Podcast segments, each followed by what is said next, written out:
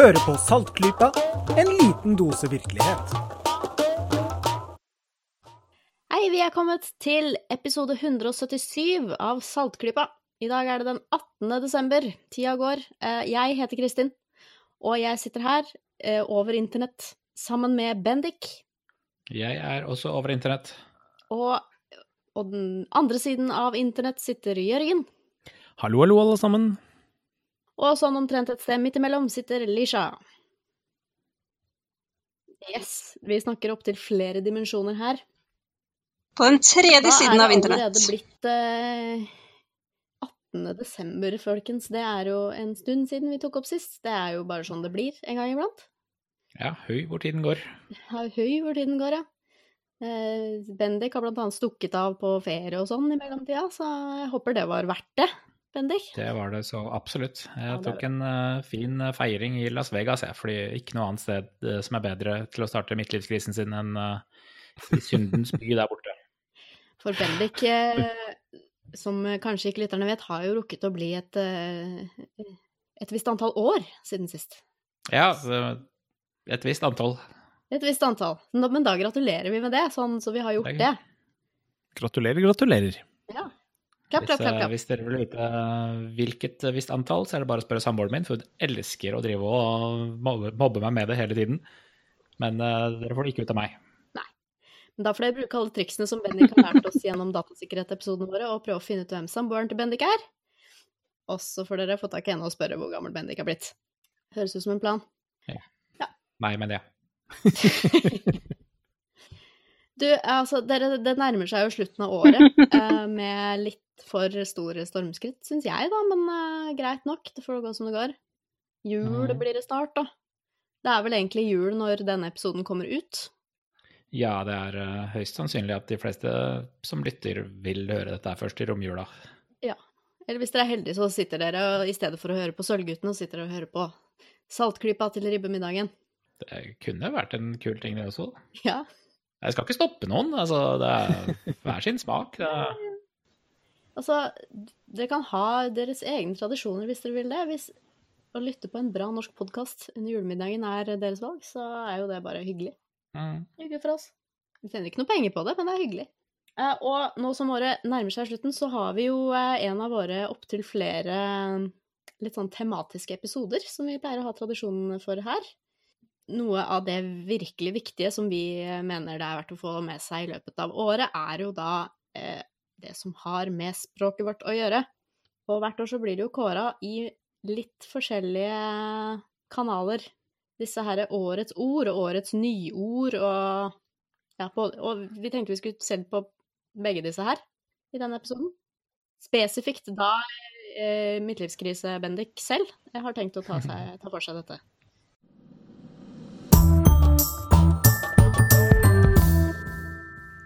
ja. Som da som nevnt, eh, Språkrådet kårer eh, hvert år årets nyord. Opptil ti stykker av dem. Eh, kriteriene de bruker, er da et, et fint nytt ord som ikke har dukket opp i mediene eller nyhetsbildet i noe særlig grad før, men som virkelig reflekterer hva vi har vært opptatt av dette året, eller en viss følelse som har dukket opp dette året, eller som bare ja, som har blitt mye brukt, da, som, eh, som, som forteller litt om dette året her. Og, og kriteriene deres er jo at eh, ordet skal klinge godt, og at det skal eh, representere veldig godt hva det er det man prater om, og at det skal være på norsk. De vil ikke ha låneord som, som årets ord. Vi kan jo begynne på toppen, og det er jo et fint ord i seg selv. Er det noen av dere som kan forklare hva et skjebnelandsmøte er? Ja, det høres veldig politisk ut, du. Det er jo eh, Det har i hvert fall vært ett landsmøte i løpet av året som har vært ganske skjebnesvangert. Ja, Det ble bytta ut en partileder, blant annet. Ja. Blant annet. Det, det refererer selvsagt til eh, KrFs landsmøte nå på høsten, eh, hvor de bestemte seg om, om partiet skulle gå i venstre eller høyre retning. Eh, Og dette hadde da skjebnesvangre konsekvenser for en del personer i, eh, i, i partiet. Ja. Hvorvidt dette var en eh, god eller dårlig ting, det får være opp til uh, hver enkelt person, men i hvert fall da skjebnelandsmøte var da et ord som uh, dukket opp, og som ble brukt en god del. Det ble vel kanskje brukt en god del uh, i den sammenhengen, altså kanskje litt i nyhetssaker og sånn. Eh, selv kan jeg ikke si at jeg kommer til å bruke det så mye. Nei, jeg tenkte også nettopp på det der, fordi altså noen sånne årets nyord de er faktisk veldig bra fordi de er, de er ord som man kan bruke. Men dette her kan jo ikke brukes til noe annet enn akkurat å beskrive KrFs landsmøte i 2018, liksom. Og så senest på mandag 10. desember så brukte jeg ordet askefast i en samtale. ja, ikke sant? Helt seriøst. Så det er faktisk et ord som kan benyttes, selv når det ikke har noe med vulkaner å gjøre. Men hvor kan skjebnelandsmøtet tenkes å benyttes? Det virker som et veldig Det virker ikke som noe nyttig ord. Det er, er jo et ganske snevert ord, det er jo det. Ja, det snevert er ordet. Det er vel et av disse ordene som brukes for å reflektere et eller annet, da, som liksom markerer at noe, et, noe har vært mye, mye oppe i nyhetene. Og Ja, ikke nødvendigvis er et sånt dagligdags ting som eh, nødvendigvis treffer enhver person som bor i landet.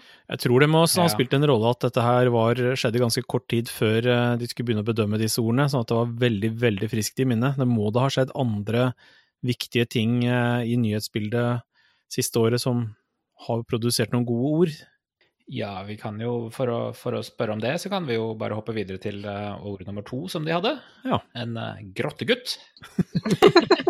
Jeg vet umiddelbart hva det dreier seg om eh, når, Ja. når du sier det, men uh, jeg har da aldri hørt noen brukt ordet. Eh, hvis det er fordi jeg er utafor, så får det være sånn, men jeg har Dette var et hørt. ord som, som ble skapt for å, for å beskrive de var det 12-14 eh, fotballspillerne som ble fanget i en grotte eh, nede i eh, Var det Thailand? Jeg må innrømme, jeg husker ikke alle detaljene. Det var i Thailand. Kan jeg bare skyte inn at her ser man eh, hvor lite Bendik er interessert i sport. Mm. Var det 12, var det 14? Det er et fotballag, Bendik. Det vil si at det var 11. Ja, men det kan jo være med reserver, da. Det var 11. Jeg er temmelig sikker på. Treneren. Jeg synes bare det var litt morsomt. De hadde med treneren også, så i alt var det 12, men han var jo ikke en gutt. Han var jo en eh, grottemann, eller som det tidligere het, huleboer. Han var en grottemann. Ja. Men ja, det, det, det er kanskje litt mer anvendelig ord, da, fordi det finnes jo veldig mange huler i verden, eller grotter, og mange barn uh, av hannkjønn som kan tenke seg å sette seg fast i dem. Men grottegutt altså, jeg, jeg vet ikke hvor beskrivende det er. Jeg tenker sånn grottefanget, for eksempel, hadde jo vært Du sa jo at du skjønte med en gang hva vi prata om når eh, man sa ordet det. grottegutt. Ja. Men det er, det er et ord som beskriver bare den situasjonen som vi hadde, da, ikke nødvendigvis å bli Hittil, ja. fanga i grotter generelt. Ja, det kan skje igjen. Det finnes som sagt mange grotter, og mange gutter. Ja, får vi kanskje noen grottejenter òg, da. Ja, ja. Kanskje det dukker opp en anledning til å bruke det i overført betydning også? ja, ingen Så eksempler. Nei, ingen, ingen gode eksempler eh, her. Vi, vi, går, vi går rett videre, bare, vi. Ord nummer tre som eh, kom ut av eh, statsminister Erna Solbergs eh, munn, er sosionomisere. Som jo egentlig er en munnfull i seg selv. Hva gjør man hvis man sosionomiserer? Sannsynligvis ikke noe positivt. Det må være å liksom, sy puter under armene på folk og ha overdreven forståelse for følelsen til folk og sånt, tenker jeg. Ja, eller ja, være, være veldig sosionom, da. Overfor Være noen. veldig sosionom. Eh, er, var det hun mente. At uh, nå skal dere slutte å drive og synse og gjøre matte og drive og sosionomisere så mye her. Jaha. Huh.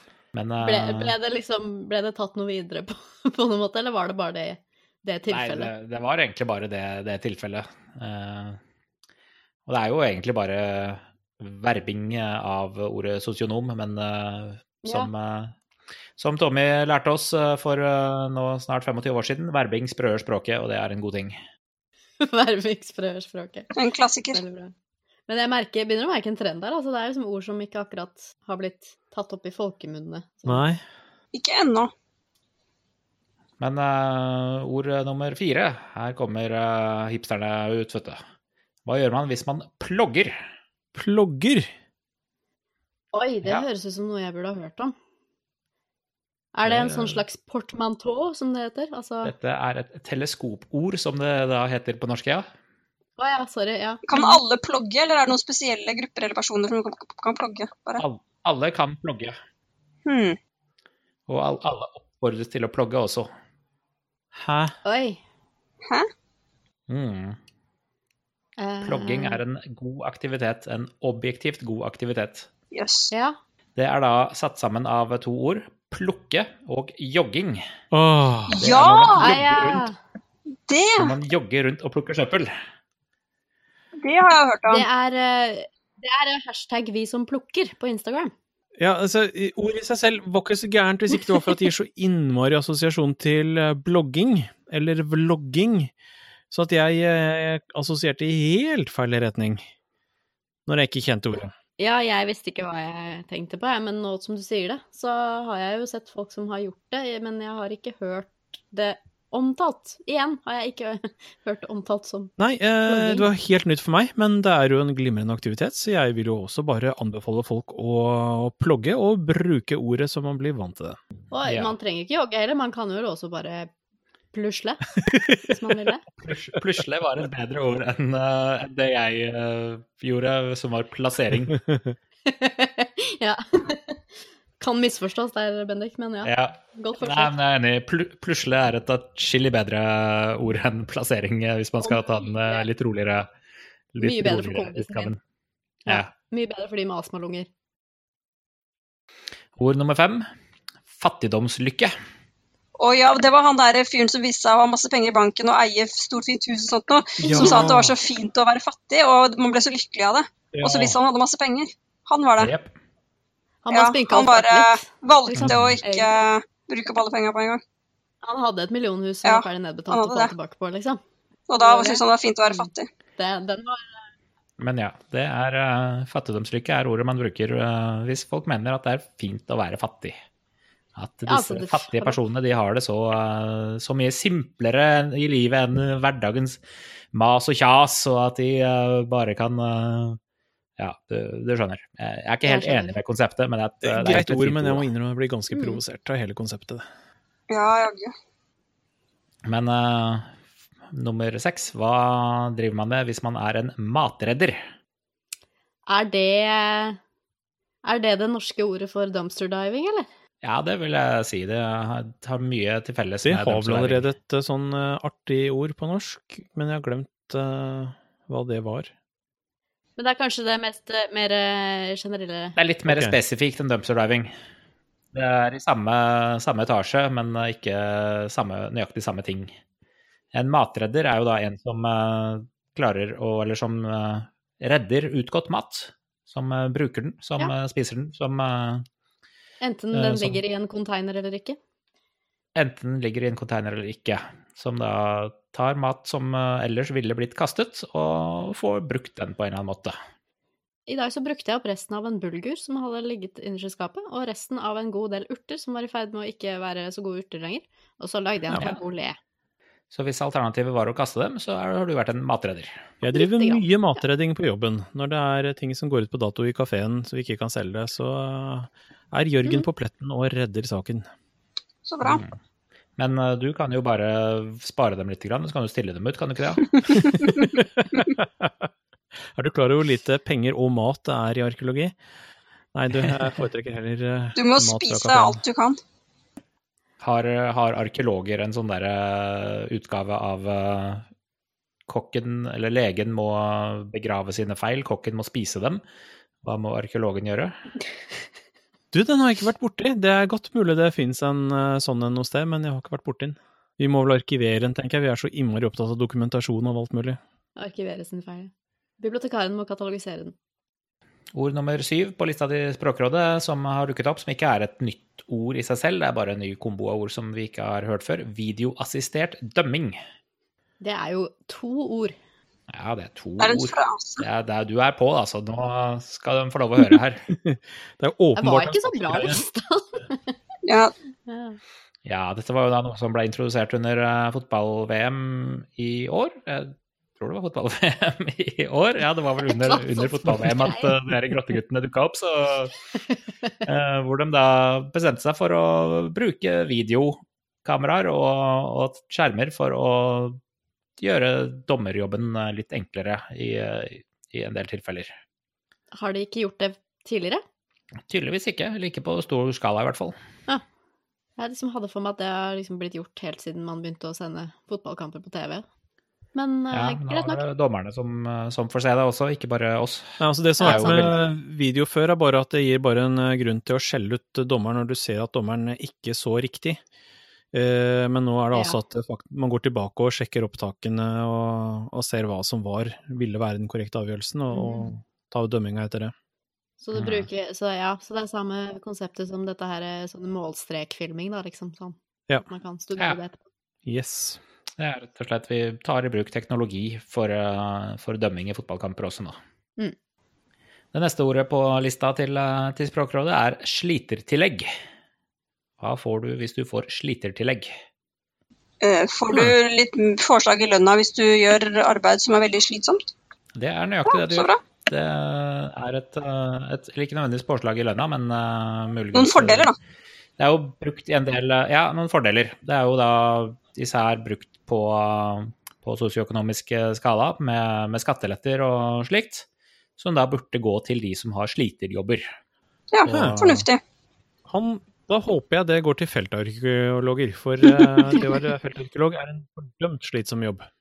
Sånn at, eh, sånn at det er da ja, en, en ting som forhåpentligvis blir en ting, da. Det skjer ikke så veldig ofte med, med dagens regjering, men eh, det har dukka opp i, nok ganger i, i, i språket i mediene da, at eh, Språkrådet la merke til ordet, Ja, jeg slår et slag for sykepleieryrket, jeg, da. Altså.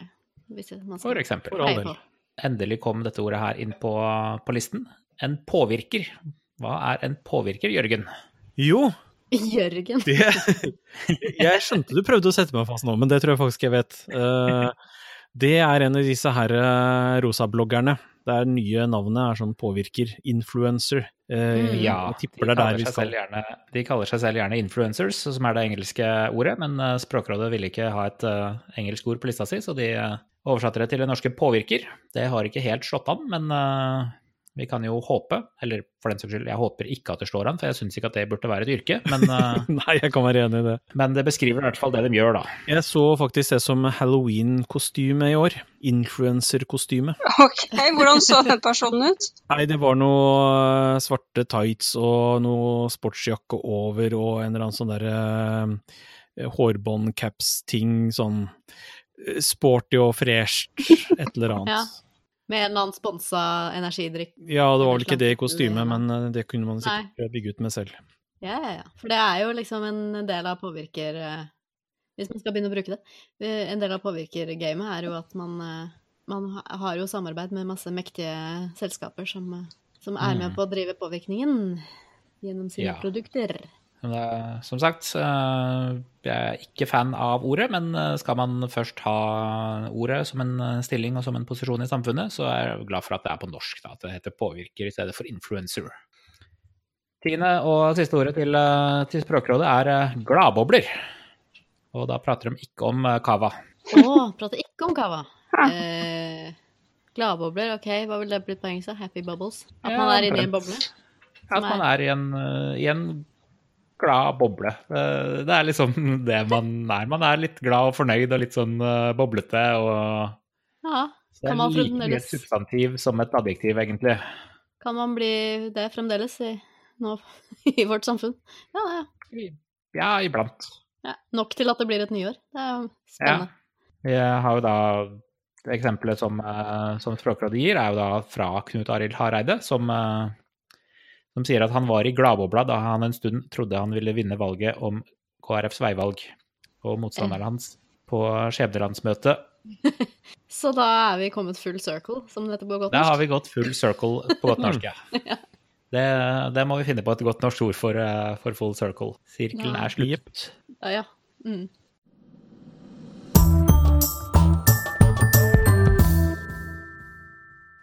Men vi spretter uh, litt videre, for vi, vi lever jo ikke bare i, i Norge. Eh, liksom det, Språkrådets eh, liste er jo, er jo veldig bra og, og ganske fin, kul å få med seg. Eh, men eh, både Oxford Dictionary og dictionary.com publiserer også sine årets ord. ja, for der er det årets ord, ikke nyord. Ja, ikke nødvendigvis nyord. Der er det liksom, der er, der er det mer opptatt av å fange zeitgeisten med Mm. et ord. Og jeg synes at uh, jeg hadde veldig, egentlig veldig lyst til å ta opp dette her, fordi det er veldig relevant for Saltklypa. Dictionary.com sitt uh, engelske word of the year er misinformation. Ja. Ja, det er spennende. Det, det skjønner jeg godt, holdt jeg på å si.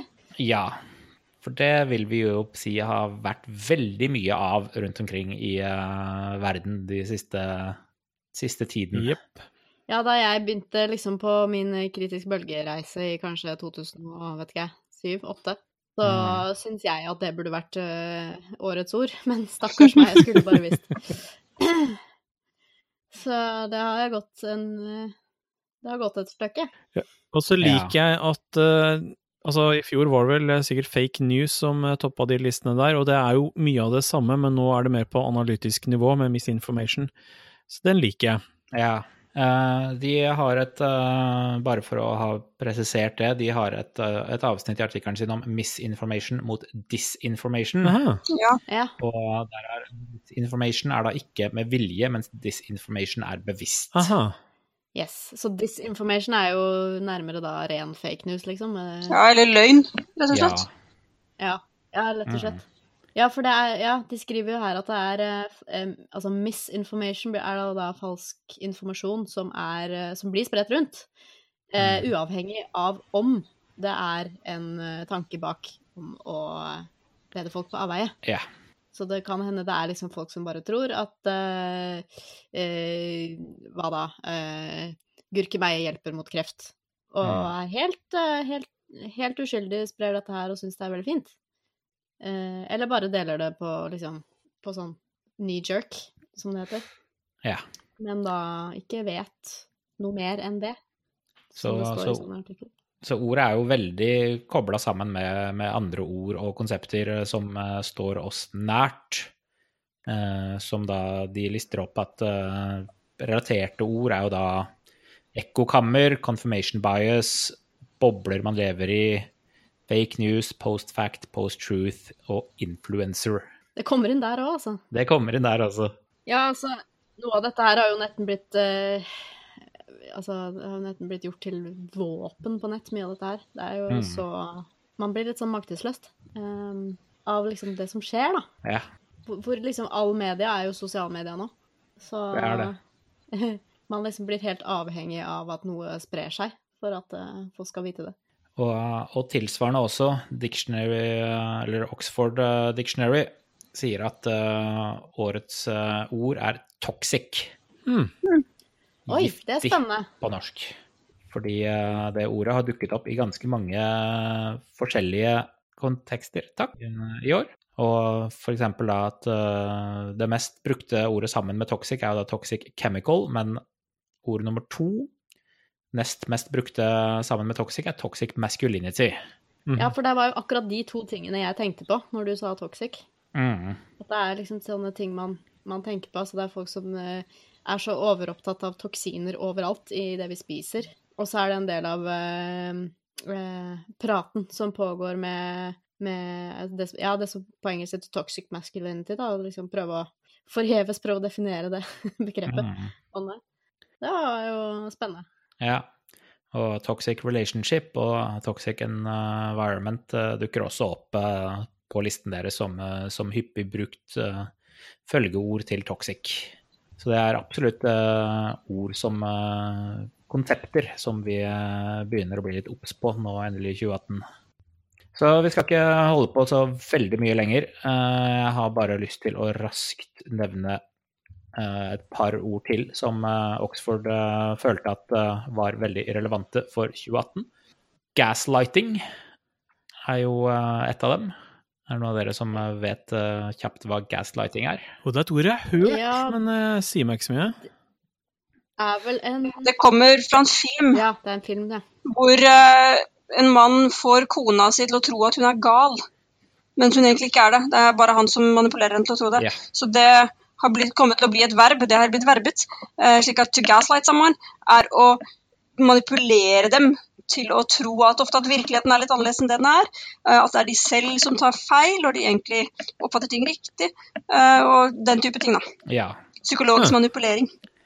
Ja, det er, det, er en, det er, en, psykologisk manipulering. Og Veldig spennende film. Det skal ikke være, være eksplisitt, og det er bare Hvis du konstant liksom går rundt og sier å, du Bendik, du har glemt å lukke døra til badet igjen, og jeg bare nei, det har jeg ikke. Og du bare jo, det har du, og jeg bare nei, det har du ikke. Og så når du går bort og ser på den, så er den lukket. Så, så hvis vi fortsetter med dette her over lang tid, så vil du over tid tro at du er gæren når du ja. tror at døra er åpen, liksom. Uh, det, det, er jo da noe av uh, selve gaslighten i, i, det skuespillet og filmen, er jo da at mannen i et forhold driver og har en affære på, på annekset. og kona begynner å oppdage det fordi lysene dimmes bitte lite grann når, når han slår på lyset der. Uh, og så kommer han bare og sier nei, nei, nei, de dimmes ikke, det er du som er sprø. Og så begynner hun å tro på det. Uh. Så der, der, kommer ordet gaslighting eh, fra. Mm. Ingrid Bergman spilte vel hovedrollen i den filmen, den var veldig god. Men i hvilke sammenhenger er det det har vært brukt mye i år? Det har blitt brukt mye med når man diskuterer med folk, så bare sier man nei, det stemmer ikke. Og sånn, ja. Men kanskje på en litt mer subtil måte. Men hvis man veldig forsiktig eller veldig bevisst kommer med uærlige argumenter som får deg til å tro at noe ikke er som det egentlig er, eh, så kan du bli gaslightet. Det er, det er ikke like vanlig i politiske og sånne diskusjoner, men, men det, det, mest brukte er, er i, i, i, abusive relationships, da. Mm. Hvor en person får en annen person til å tro at uh, alt er som det skal, mens uh, det egentlig ikke er det. Okay. For eksempel ved da å si nei, nei, nei, jeg kom hjem klokka åtte i går, jeg var ikke ute til langt på natt. Det var bare du som ikke la merke til at jeg kom hjem. Hm. Eller noe sånt. Mm. Uh, et annet ord som, uh, som Oxford uh, følte at var verdt å ta med, som har dukket opp, er incel. Ja, ja, ja. Kristin, kan du forklare hva en incel er? Det er også et slags sånn sammensatt av to begynnelser på to ord. Det betyr eh, involuntary celibate. Mm. Eh, og det er jo da en eh, betegnelse som en gruppe folk på nett, da, stort sett, har eh, tatt til seg. For å eh, på en måte komme sammen og rotte seg sammen eh, mot den store konspirasjonen som er kvinner som ikke vil ha sex med dem. Ja. Stort sett. Og det har vært alt fra litt sånn triste tilfeller til liksom terrorangrep ja, av sånne folk. Hatt, det er liksom alt slags folk. Minst to terrorangrep bare i år som har vært utført av incels som uh, ville ha hevn på disse kvinnene som har avvist dem hele livet sitt.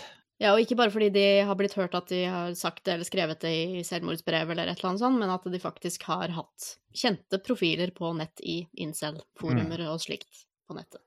Så det er flere personer som eh, blir uh, hyllet uh, av disse. Ja. Et, et, veldig toxic miljø, vil jeg påstå. Et veldig toxic miljø, ja. Toxic debatt. Ja. Og så har jeg lyst til å bare De hadde et par ord til, men, men jeg har bare lyst til å dra fram uh, overtourism, som, som jeg syns er et fint ord. Ja, da tenker jeg liksom på uh, disse landene nede i byene nede i Sør-Europa og sånn, ja, som har begynt å boikotte turister. Ja, eller, eh, eller, bare at det er for mange turister på visse steder. Ja, enten på grunn av at uh, de tar helt over i form av uh, grellifisering, kan det bli et nytt ord, kanskje? Jeg håper det. Av uh, byrommet. eller kanskje til og med da ødeleggelse av lokalmiljøet mm. på en eller annen måte. Ja, Barcelona særlig har jo hatt store problemer med det òg. Veldig bra dokumentar på NRK som, som gikk om det. Ja, jeg var turist i Barcelona i fjor og vi la merke til at det var veldig mange tags og graffitier og sånt hvor det bare sto 'Tourist, go home'. Ja. Sett i det. jeg følte meg ikke truffet i det hele tatt. Selvfølgelig. For jeg, er en av de gode turistene. Du er en av de gode, ja. Du er i hvert fall ikke et cruiseturist. Mm. En cruiseskip er noe det er noe greier, altså. Ja, ja det, det, sier de i Portugal, det var Lisboa i vår, og da snakket de om det, for der har de utvidet havnen eh, for en fire års tid siden. Sånn at nå kan de ta inn de der gigantcruiseskipene. Det var ikke mulig før. Mm. Og på bare de fire årene som har gått siden det, så har det forandret byen. De som bor der, sier det er helt ugjenkjennelig. Jeg hadde ikke vært der før, så det kan jeg ikke si noe om, men de sier det er uh, blitt enormt annerledes. Mm. Uh, og i Barcelona så har de jo fått det problemet at folk som faktisk er der og jobber der, de har ikke råd til å bo der lenger. De må bo langt ute i forsteder og sånt nå. Det er jo uheldig for turistene også, for det fører jo til at det blir en helt steril og død by når det ikke bor noen der. Det bare er Airbnbs og 90% turister, liksom. Mm. For alle som faktisk er spanjoler, eller baskere, da, eh, stikker klokka fem. Så det er jo også noe å tenke på. Nei, men det var eh, et par år til, men de lar la vi det være hjemmelekse å, å titte på. Det, det var litt mer engelsk eh, kontekst på, de, eh, på resten av ordene. Eh, Bare for å spoile litt, så syns jeg ordet cakeism var kjempemorsomt da jeg leste forklaringen nå. Cakeism er et, eh, er et bra ord, det også. eh, og Ja. oppfordrer folk til å lese artikkelen for å høre, lese hva cakeism er. Hvis man, tenker, hvis man tenker brexit, så er det kanskje mulig å tenke seg hva det Mm. betyr.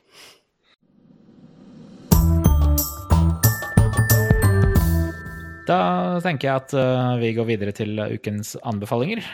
Ja, kan jeg begynne? Det jeg så i stad at uh, vår alles kjære, i hvert fall for oss som bor i Oslo-områdets uh, gjeng i Skeptingerne på puben, har våknet til live igjen.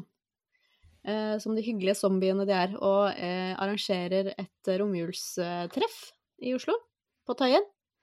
Så jeg tenkte jeg skulle opp, opplyse om det, i tilfelle det er noen som hører på som kunne tenke seg å gå dit. De har lagt ut et Facebook-innlegg, men jeg skal også både lenke til det og skrive litt detaljer i notatene der, så kan eh, folk eh, se på Mm. det. Det er den 27. desember. Ja, jeg har også en anbefaling. Eh, og hold dere fast, jeg skal anbefale en podkast. Gosh! Nei! Nå må vi snart ha en jingle til det. Jørgen anbefaler podkast. Denne gangen så er det Ja. ikke en eh, type Jeg pleier jo å anbefale podkaster som dreier seg om eh, logisk tenkning eller et eller annet sånt noe.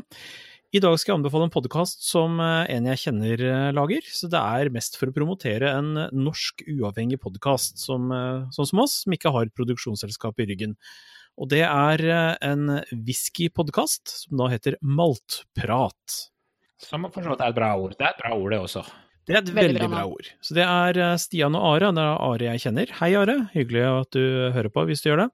Eh, Så eh, for å støtte dem, så vil jeg bare anbefale videre. Det er riktig hyggelig å høre dem sitte og smake på whiskyer og diskutere begreper og sånt noe. Kjempegøy. Det høres ut som om eh, vi har kommet til veis ende. Både i podkasten og egentlig også kanskje til og med i podkaståret vårt. Ja, det tror jeg. Jeg tror ikke vi kommer til å gidde å sitte i, i romjula og, og lage nye episoder. I pysj og nisselue. Og... Nei. Så vi tar nok en, eh, en i hvert fall eh, et par ukers pause før vi kommer tilbake på nyåret med nye episoder. Ja, ikke det at vi ikke tok en lengre pause for denne episoden, men den var litt mer sånn ufrivillig, da, kanskje. Eh, Men det er i hvert fall en fin grense å sette der, tror jeg, og vi vet jo allerede hva vi kommer til å snakke om på nyåret. For dem som har hørt på oss før, så vet dere hva vi pleier å starte året med, vi, så vi kommer Ja, til å gjøre det i år òg. Neste episode, da begynner vi på med Melodi Grand Prix. Nei, ikke den. Det Ah, er ja. den andre den andre, tingen den andre tingen, den faste tingen. Ja, det er da vi tar på oss turbanen og prøver å spå Mm. litt. Eh, veldig, veldig bra. Eh, da tenker jeg at vi sier eh, godt nyttår og god jul og andre ting man sier denne tiden. Det, jeg tror det Eh, dekker det meste, egentlig, de to der. Dekker det meste sånn i målgruppen, i hvert fall. Så eh, da eh, snakkes vi som sagt, og så eh, gjenstår det vel i grunnen bare å si eh, ha det. Da, da, da sier vi det sånn etter tur. Eh, ha det veldig godt. Ha det så bra, alle sammen. Ha det veldig godt. Ho, ho, ho. Saltklypa lages av Kristin Lisha, Jørgen og Bendik. Har du spørsmål, anbefalinger, ris eller ros, send det til post at saltklypa.no, eller finn oss på Facebook. Lenker til alt vi har snakket om i episoden finner du på saltklypa.no, hvor du også kan abonnere på podkasten for å få hver episode levert på døra helt gratis. Takk til Smart 9000 fra Evig poesi som har laget kjenningsmelodien.